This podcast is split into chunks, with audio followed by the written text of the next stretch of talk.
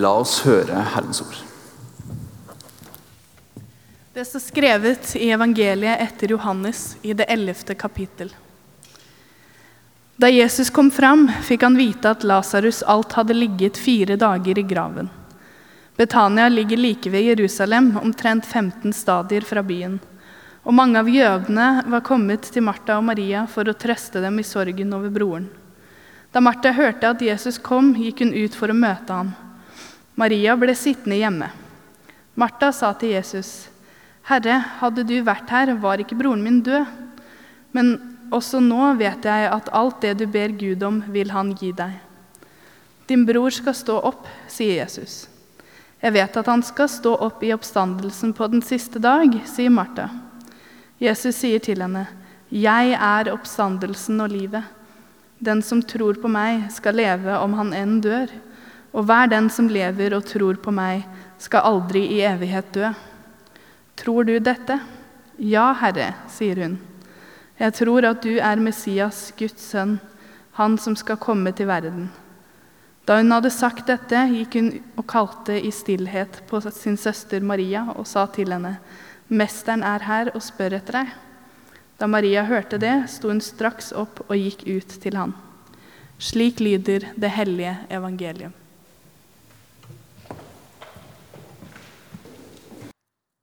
Som forespeila så hører dere at dagens tekst handler om oppstandelsen.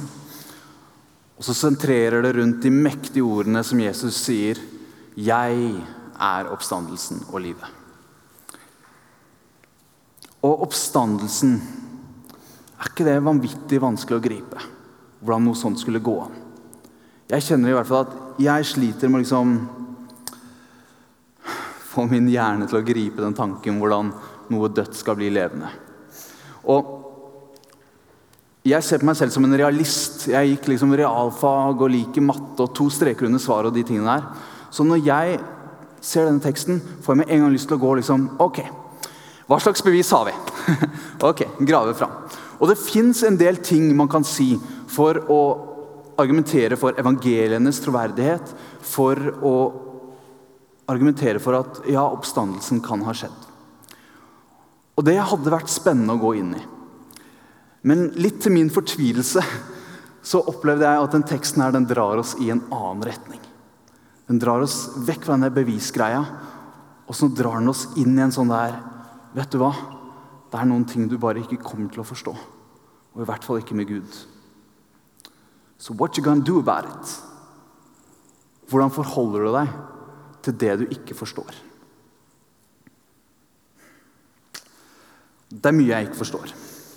Eh, på onsdag bare for å si litt om denne uka, da, På onsdag fikk jeg sammen med Susanne, som jobber her i kirka, eh, fikk jeg sammen med eh, mange andre ledere for ungdomsarbeid i forskjellige kirker i byen lov til å møte utviklingsminister Dag Inge Ulstein. Og Han forteller om han hadde først og fremst lyst til å høre ungdomsarbeidet. Hvordan går det i kirkene? Hvordan har korona påvirka det? Men også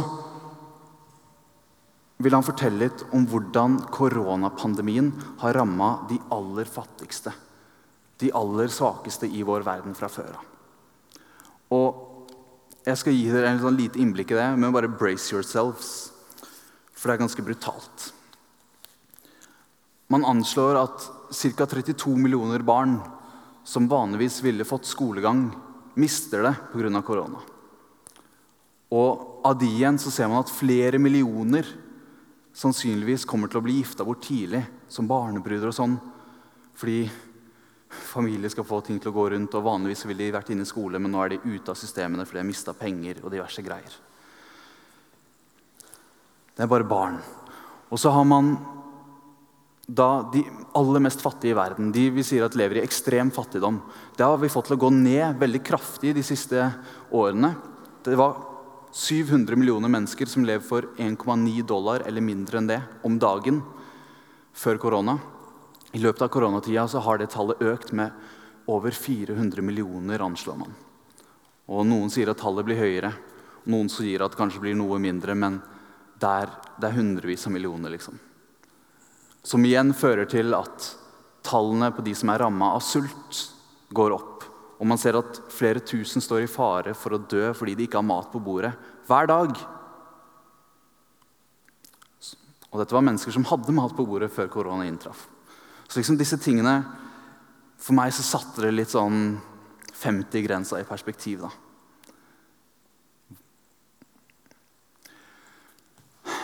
Er dere enige i at det er ganske mørkt?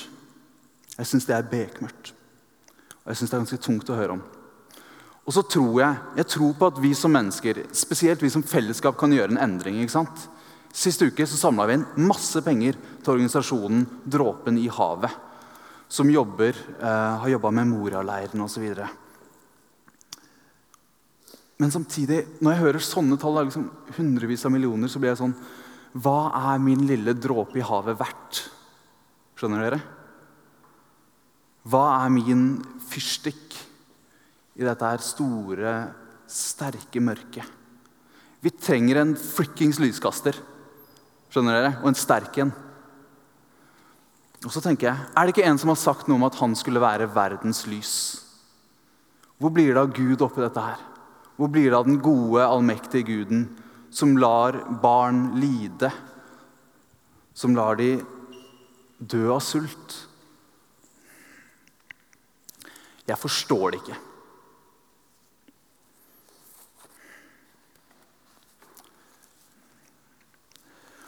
Som menneske så blir man av og til ramma av mørket. Og vi vet også at i våre liv av og til så kommer mørket. Og den kristne tro sier inne at der hvor det ser som aller mørkest ut, der skinner det fremdeles et lys. Det finnes en som bærer det i sin hånd, selv når du ikke forstår det. Men det er vanskelig å gripe, altså. Selv for en biskop.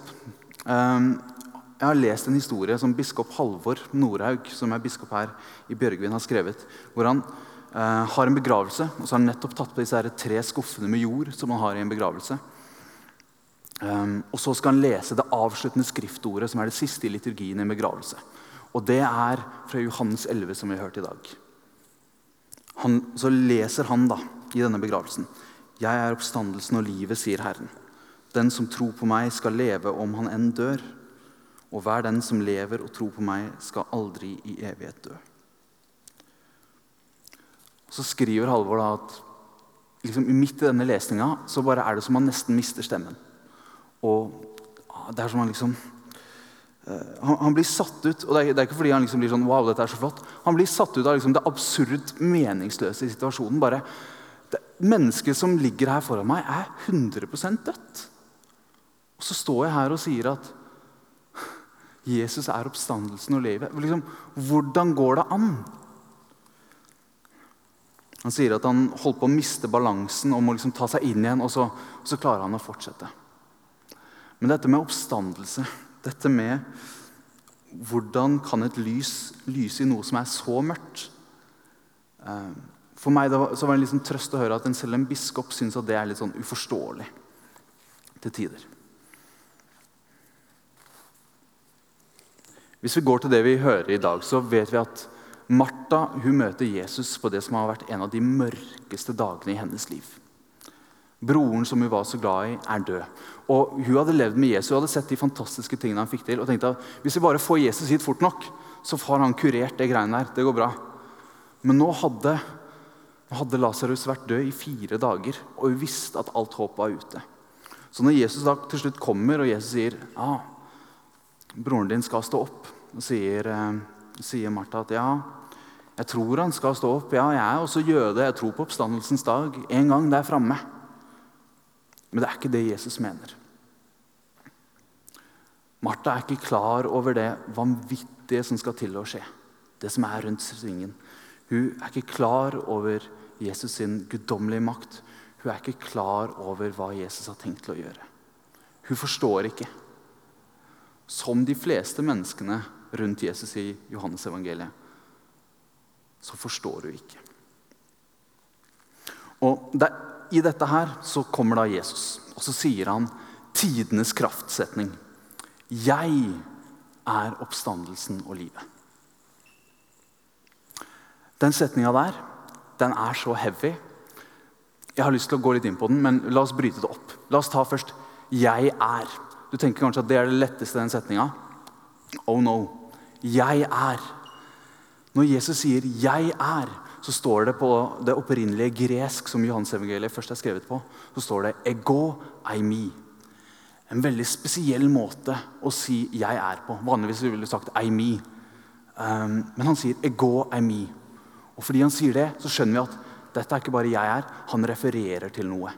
Han refererer til denne historien hvor Moses er ute i ørkenen og snakker med Gud og har fått et oppdrag. Og sier han, ja, men hvem skal jeg si at sender meg, da? Hva er navnet ditt? Og Gud sier, 'Jeg er Javé'. Et ord som jødene hadde ikke lyst til å lese det høyt engang, fordi Guds navn, det er så mye kraft i det.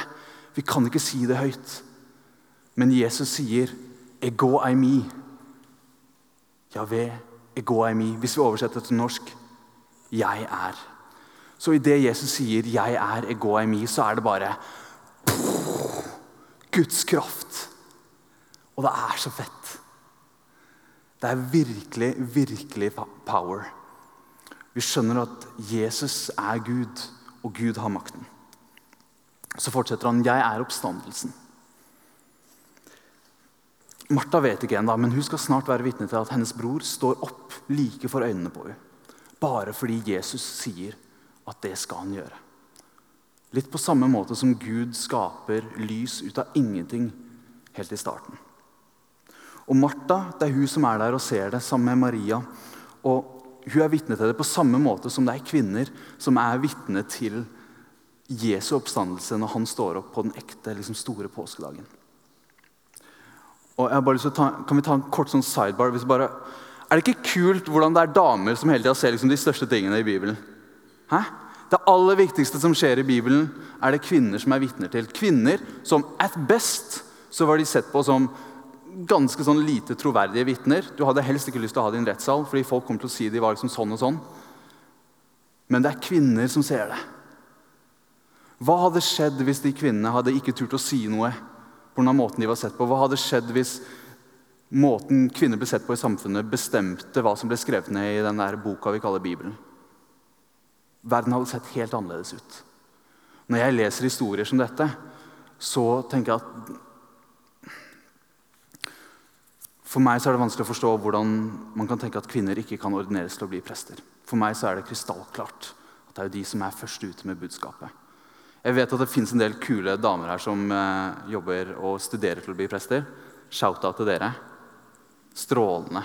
Det er så bra. Ok, Vi må tilbake til teksten. Eh, Jesus sier, 'Jeg er oppstandelsen og livet'. Jesus er livet på den måten at han er Gud. Og uten Gud hadde ikke noe vært til. I begynnelsen så var Gud, og Gud sa 'bli lys'. Og derfor blir livet til. Det er ham vi lever, beveger oss og er til.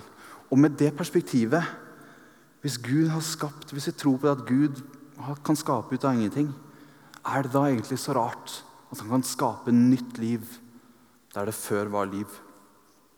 Lys i mørket. Og så har jeg lyst til å si at Jesus er livet også på en annen måte. For når vi blir døpt Den døpefonten der skal snart brukes. Gled dere til det. Når vi blir døpt, så sies det at vi dør og står opp igjen med Jesus til et nytt liv. Jeg tror at vi er kalt til å leve med Gud i våre liv. Og at når vi ser, søker å se mennesker på den måten Jesus gjorde, når vi når vi prøver å innrømme våre feil, når vi prøver å ta imot Hans nåde, når vi strekker oss mot de buda som Jesus satte høyt, da tror jeg at vi lever det livet vi er skapt til. Og Da lever vi et liv hvor vi får muligheten til å bli kjent med Gud, selv om vi ikke alltid forstår ham. Ok.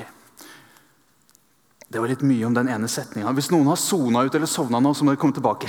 Fordi nå kommer liksom det aller, aller viktigste. Og det er Martha. Hun har en fantastisk bekjennelse, men selv ikke Martha forstår Jesus fullt ut. Hun skjønte ikke nødvendigvis liksom, Jesus sine teologiske ordspill eller hans fantastiske under eller hans guddommelige natur. Men hun hadde levd med Jesus. Hun hadde sett måten han hjalp mennesker på. Hun hadde kjent varmen og kraften som strålte ut fra ham. Og hun hadde sett smilet hans idet han så vennene sine, og hun fikk se tårene hans når han hørte at Lasarus var død. Martha forsto ikke alt med Jesus, men hun kjente at det var godt å være rundt ham. Og hun forsto at han der, han er glad i meg. Og han er glad i broren min. Og jeg tror han kan hjelpe. Selv om jeg skjønner ikke helt.